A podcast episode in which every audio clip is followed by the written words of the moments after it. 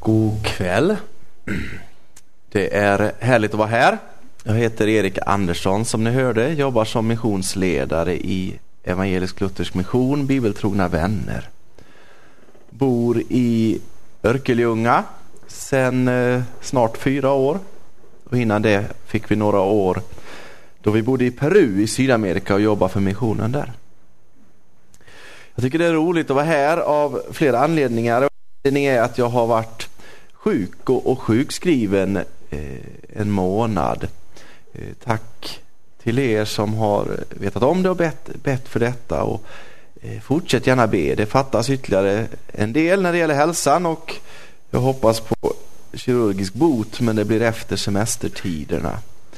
Så be gärna eh, att jag ska ha kraft att jobba lite grann. Jag ska predika här om Gud vill eh, på söndag och sen i Höganäs i nästa vecka. Ja, låt oss be. Tack Gud för att du är en levande Gud som älskar och som lyssnar. Nu ber vi till dig och vi ber att du ska tala så som du har gjort genom ditt ord. Gör det nu levande för oss. Kom med din ande och räck oss var och en något. Ja, räck oss mycket. Räck oss det vi behöver. I Jesu namn. Amen. Nu ska vi se.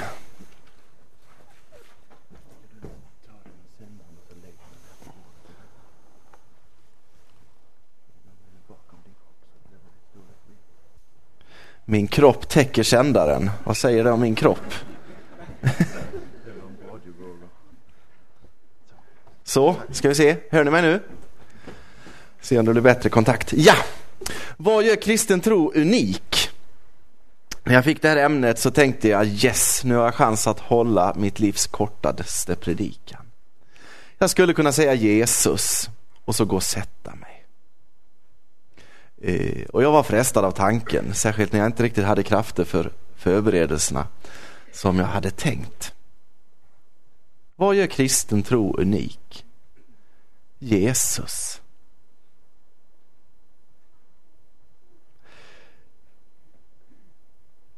Det finns ingen kristendom utan Kristus. Någon kanske tror det, men, men utan Kristus, utan Jesus så finns det ingen kristendom.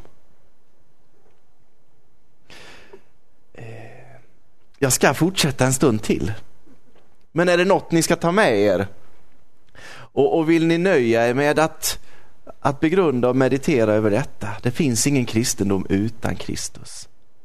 Eh, så jag är glad över det. Då får ni gärna sluta öronen och, och, och låta er fyllas av det. Och annars får ni ta med det hem och, och låta resten av kvällen fyllas av det och lyssna vidare.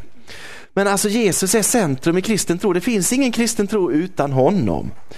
Uh, han är, som det uttrycktes på Svenska Dagbladets ledarsida en, eh, i oktober i höstas en gång. Han är kyrkans USP. Unique Selling Proposition.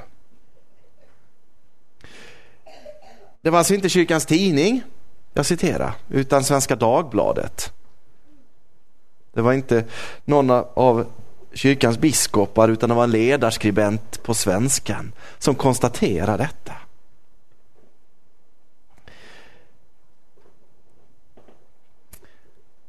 Unik, unik.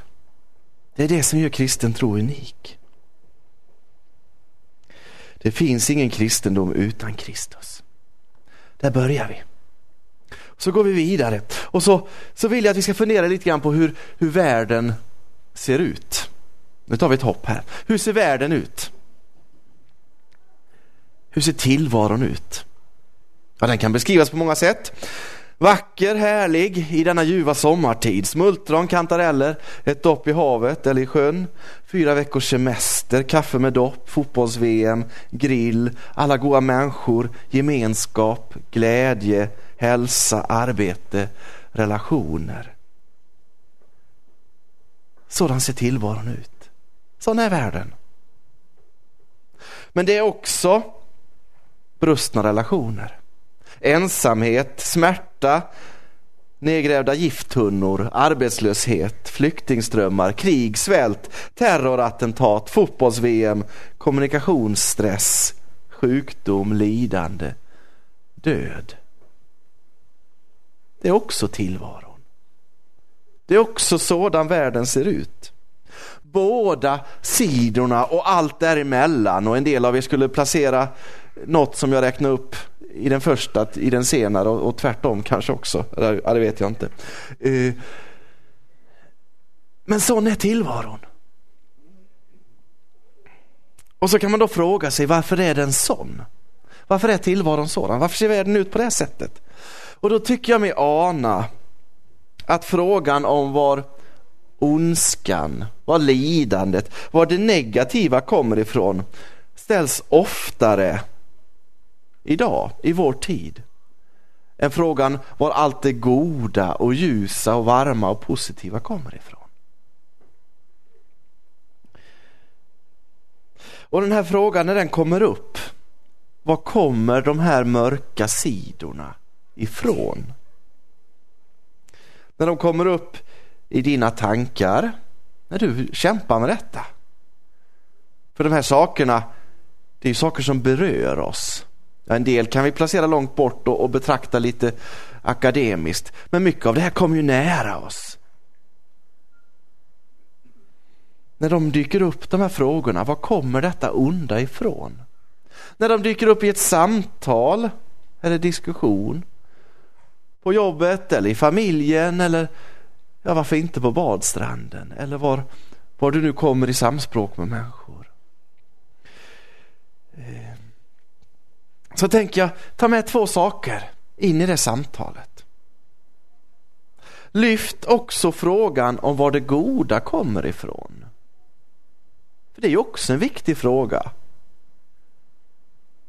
För tillvaron var ju både och och allt däremellan. Och om någon kommer till dig, kanske, kanske någon vet att du är kristen och kommer nästan lite anklagande. Ja, men var kommer då allt det onda från? Så bråskar inte svaret utan säger, ja men det här, det här är en stor fråga. Det här kan vi väl prata om en stund. Och så lyft frågan, ja men då kan vi väl också fundera på var kommer det goda ifrån? Det var det ena man kan ta med in. Och det andra är, men fråga också efter den andres svar. Om någon flyger på dig, eller flyger på, det låter ju som en attack. Men om någon, om någon ställer frågan, var kommer det här onda ifrån? Varför, varför blev jag sjuk? Eller varför, varför hände det här? Då kan man också ställa frågan, ja, ja vad tror du? Vad tänker du om detta? För ondskans problem, som vi ibland talar om, det är ju inte ett problem bara för, för den som är kristen. Ondskans problem är ju ett problem för alla som lever i denna värld. För världen ser ut just så här. Vacker, härlig denna ljuva sommartid och så vidare. Och brustna relationer, smärta, nedgrävda gifttunnor och så vidare. Och så har man försökt svara på olika sätt. Livsåskådningar och religioner har försökt svara på olika sätt på den här frågan. Och det kan också vara viktigt och det ligger ju i detta att man kan ställa motfrågan, vad tänker du? Att försöka förstå hur andra har svarat och kämpat med den här frågan. Det finns olika svar från olika håll. I buddhismen som en, en världsreligion. Så säger man att lidandets orsak det är vårt begär. Om jag har ont i ryggen så består lidandet i att jag vill att jag har ett begär efter att bli fri från verken. Och lösningen är att sluta begära. Sluta önska det. Och så har man religiösa övningar eh, man talar mycket om, eller praktiserar mycket meditation inom buddhismen. Och det är meditation som syftar till att tömma sinnet. Att bli fri från begär.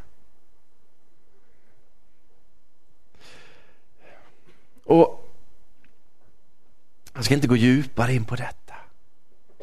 Men jag finner ett sånt här svar, det blir otillräckligt. Det blir ju ett accepterande av att lidandet finns där. Ondskan finns där. Och jag ska bara på något sätt sluta reagera på det. Och framför allt, det buddhismen säger, det är du har ett problem och det är upp till dig. Det är upp till dig att lösa det. Du behöver befria dig från det som är ditt lidande och från det som orsakar ditt lidande. Det är upp till dig. Sen finns det andra religiösa system.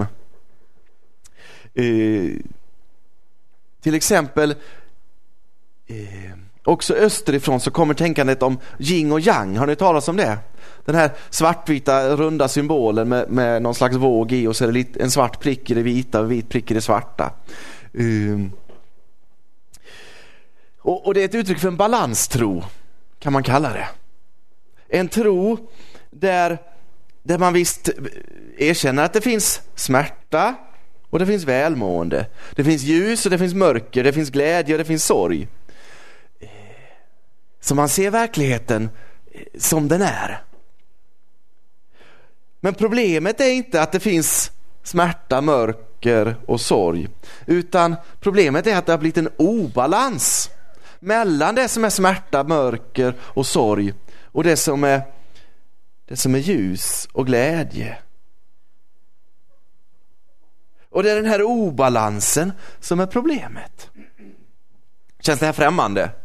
Rör jag mig på en annan planet, inte en annan planet, men, men kanske liksom i utkanten av våra referensramar. Men faktum är att ett sånt här balanstänkande mellan gott och ont, det kan smyga, oss, smyga sig på oss. Ibland när vi svenskar använder uttrycket lagom är bäst så lutar det åt detta hållet. Inte alltid. Men jag menar, hönan har 16 kycklingar men fick 16 kycklingar, det är ju bra. Ja men sen tog räven fyra. Ja, jag säger grannen men ja, ja, lagom är bäst. Ja vadå, det är väl inte bäst? 16 är väl bättre än 12? Det blir 16 söndagsmiddag istället för 12.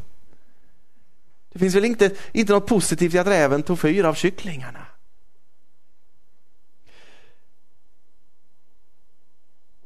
Nej, det blir uttryck för någon slags tanke om att ja, men det ska finnas en balans mellan det som är bra och dåligt i livet. Och när vi ska närma oss lidande på det här sättet så blir det faktiskt riktigt förfärligt.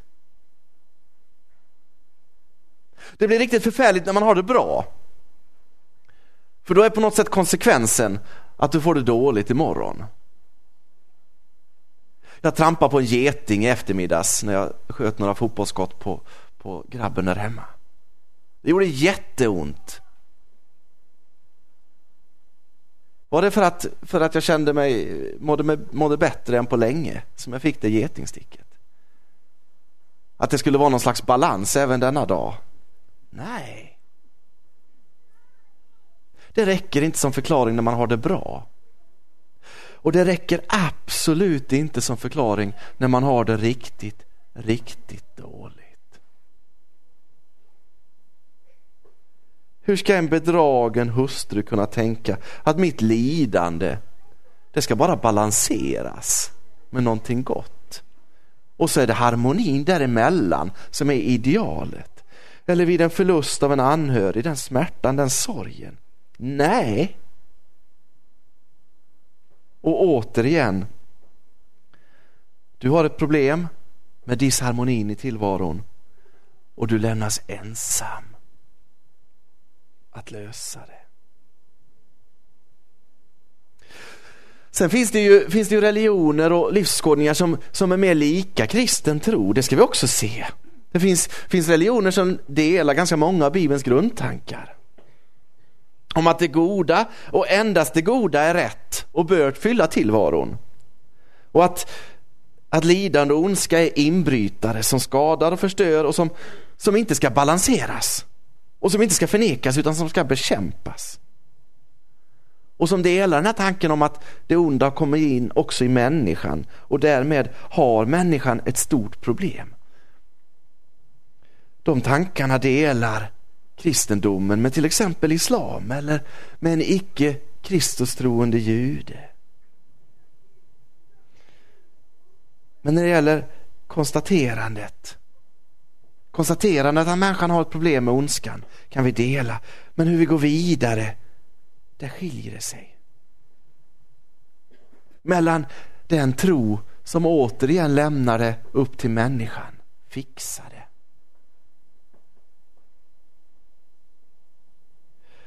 Och en annan tro som en annan lösning. Den kristna tron som en annan lösning. Så långt några, några olika livsåskådningar och religioner.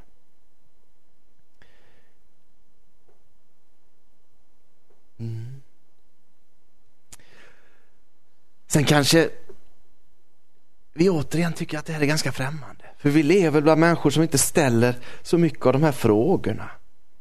För så är det faktiskt. Svenska folket, vårt land, vi har glömt mycket av, av de religiösa frågorna. Och vi lever liksom på. När allt är som vanligt och det mesta är bra, då är svensken måttligt mottaglig för samtal om, om livets djup, om lidandets eventuella mening eller meningslöshet, om religion. Det är i alla fall den erfarenhet jag har. Att börja prata om de djupa existentiella frågorna vid fikabordet på jobbet, det faller oftast platt. Inte alltid, men oftast. Men så ibland så händer det någonting som skakar om och då finns det plötsligt en öppning. När sjukdom drabbar, när en relation går sönder, när fabriker stänger, vid internationella konflikter eller katastrofer. Plötsligt dyker det upp frågor som, som man inte alltid haft eller som man inte alltid har varit, haft så aktuella. Och så plötsligt så drabbar de. Och då behöver du finnas där som inte är rädd att samtala om sådana frågor. Att samtala om livet, om döden, om mening, om frågor och frågornas svar. Att samtala om Jesus. Missförstå mig inte nu, jag pratar inte om någon slags ny taktik för evangelisation. Eh, det kan jag göra andra gånger. Eh, för det tror jag också vi behöver. Men, men det är inte det jag talar om här. Och det handlar inte om att vi ska passa på för missionsföreningens skull eller församlingens skull för att den ska växa lite grann. Utan det handlar om att finnas till, finnas där. När människor plötsligt och oförberett ställs inför frågor som man inte kan som man inte är van vid och kanske inte kan hantera. Och som man överarmas av känslor av tomhet, osäkerhet och brist på fotfäste. Det är då du behövs där. För att räcka ett svar, att lyssna, samtala. Kanske lite grann som om du, om du är ute på, på, på stan och så ser du någon som tappar en nyckel. Men så är det en sån här stressad person som tappar nyckeln. Så du plockar upp nyckeln och försöker hinna ikapp. Och du får springa genom stan och du ropar lite grann men den här personen har fullt upp, ljud i öronen, målinriktad. Du hinner inte ikapp förrän plötsligt personen står inför en dörr som den personen inte kan öppna.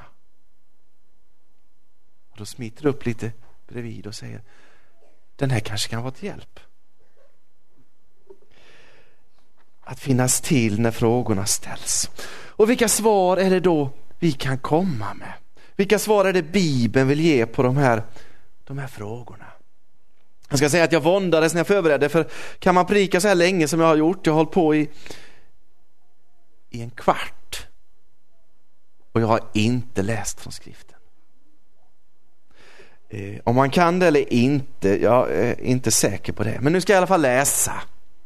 Jag ska läsa en vers från Johannes evangeliet. Till så älskade Gud världen att han utgav sin enfödde son för att den som tror på honom inte ska gå förlorad utan ha evigt Ty så älskade Gud världen att han utgav sin enfödde son för att den som tror på honom inte ska gå förlorad utan ha evigt liv.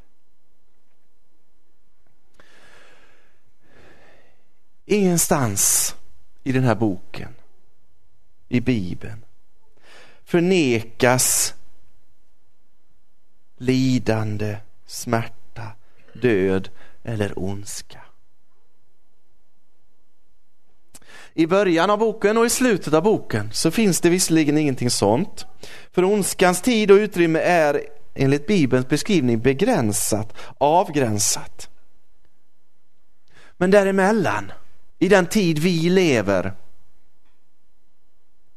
så finns ondskan, så finns lidandet, så finns mörkret i denna tillvaro, i vår tillvaro.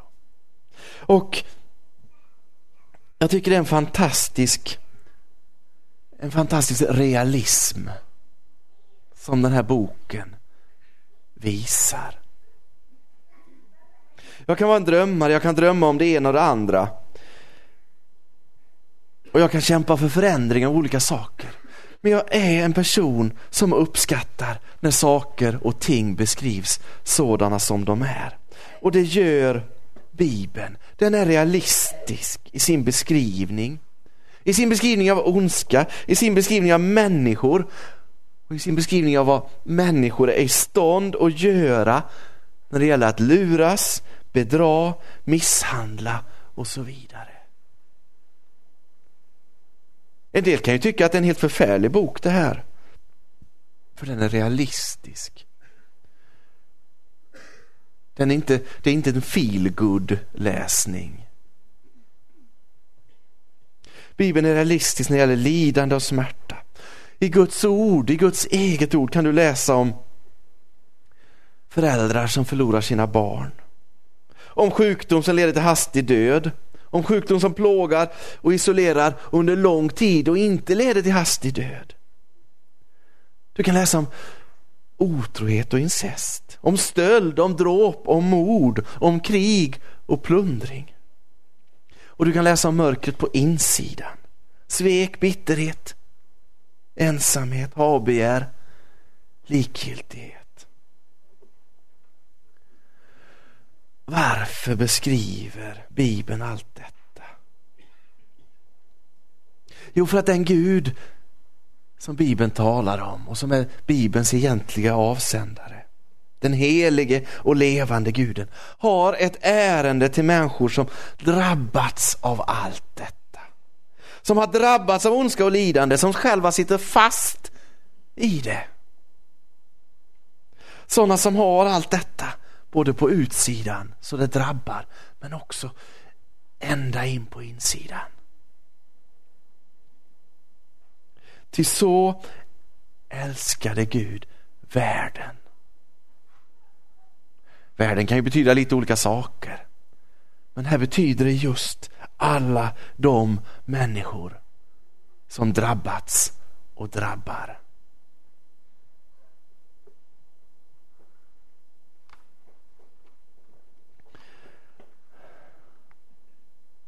Och när andra livsåskådningar säger människa du har ett problem, lös det.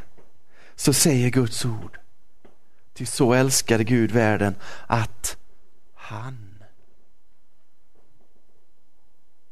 Bibeln säger människa, du har ett problem. Låt Gud lösa det åt dig. Du behöver inte längre kämpa och kämpa och kämpa för att förtjäna din rätt att leva, för att få vara med här i världen. För den samma Gud som skapade dig, som vill att du skulle finnas, han älskar dig så mycket. Att han har förtjänat platsen för dig här i livet. Att han har förtjänat åt dig livsglädje och frihet. Frihet från samvetskval. Vad är det som är unikt med kristen tro? Ja, det är Jesus. För så älskade Gud världen att han utgav sin enfödde son. Det är Jesus. att han sände sin utfödde, enfödde son, Jesus. Det är Guds lösning på ondskans problem. Hans lösning var att själv bli människa, gå in i den värld han själv skapat, gå in under villkor som vi lever under. Han vet hur det är.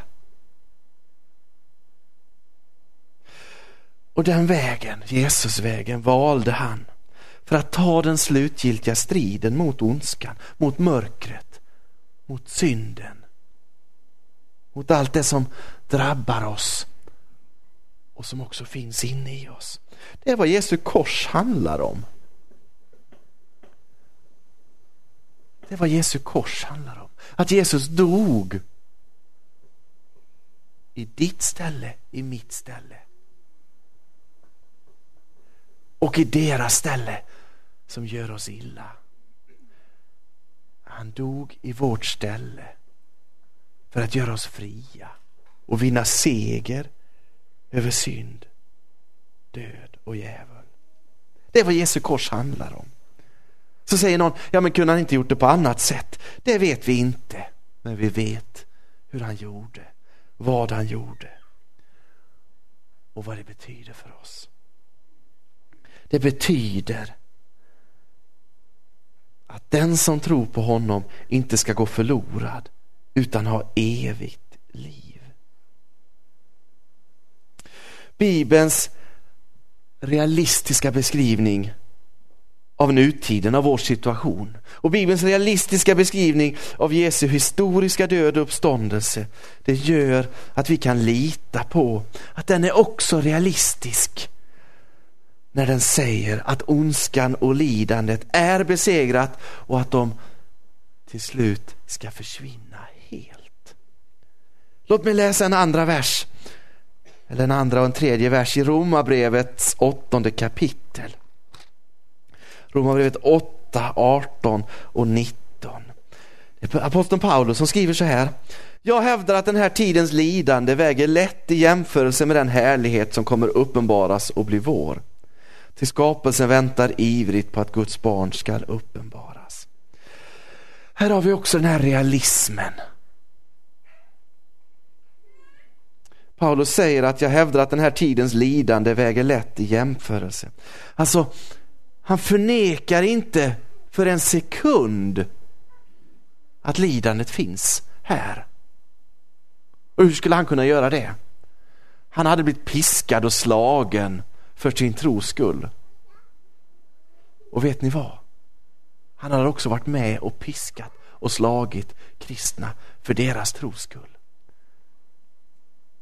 Han hade förföljt. Han hade varit med och sett kristna dö för deras tros skull. Hur skulle han kunna förneka att det fanns ondska i världen? Nej, det gör han inte. Han är realist. Han talar om den här tidens lidande. Men han gör en jämförelse. Och han säger att det som idag väger så tungt för oss. I evighetsperspektiv så väger det lätt. Och det här kan vi inte förstå. Men vi får på något sätt börja glädjas över det. Och så kan vi om vi vill bläddra i våra biblar och se att precis som det var i början när ondskan inte fanns där. Så ska det bli i slutet. När ondskan och lidandet är passerade och borta och besegrade för evigt. Och så kan på något sätt det lidande som, som drabbar oss här och som, som, som är plågsamt och smärtsamt och svårt och tungt så kan vi också få ta det som ett, en löftesgrund. Att lika illa som vi har det, som vi kan ha det, som vi kan ställa till det. Lika, nej ännu mer kommer det här att vändas. Och lika, lika intensiva känslor av sorg och förnedring som vi kan uppleva här lika intensiva känslor och ännu mer kommer vi uppleva av upprättelse, av glädje, av kärlek och gemenskap en gång. För vi väntar på den härlighet som ska uppenbaras och bli vår. Det var ju det, det var ju det Johannes också sa. För att den som tror på honom inte ska gå förlorad utan ha evigt liv. Så det är unika med den kristna tron. Skillnaden om vi jämför med, med så många andra religiösa system. Förutom att de är tomma i sig och talar om falska gudar och avgudar som inte ens finns. Så finns det en grundläggande systemskillnad. Det är att de säger människa du har ett problem, fixa det. Och så säger, så säger den levande guden, han som är verklig, han som är här nu, han kommer dig nära och säger människa, ja du har ett problem. Jag har fixat det. Ta emot det. Ta emot Jesus och det han har gjort för dig. Låt mig avsluta med en bild. Den kanske är, den kanske är barnslig men jag tycker, jag tycker om den på något sätt. Att vara, att vara människa i den här världen. Och att vara fångad i det som är tungt och svårt och ont på in och utsidan. Det är som att vara förlamad. Och så tänk dig att, att du är förlamad. Och så ligger du på en studsmatta. En studsmatta är någonting härligt och det hör sommaren till för ja, kanske inte alla av oss men, men, men, många av oss och vi ser dem i trädgårdarna och, och, och det är ett glädjeverktyg alltså det, det är häftigt. Men vilket hån att ligga förlamad på en studsmatta. Att se allt det goda i tillvaron och inte kunna ta del av det. Och så kommer Jesus. Han kommer ju uppifrån, han kommer från himlen. Vilket studs det blir. Och så börjar han studsa där.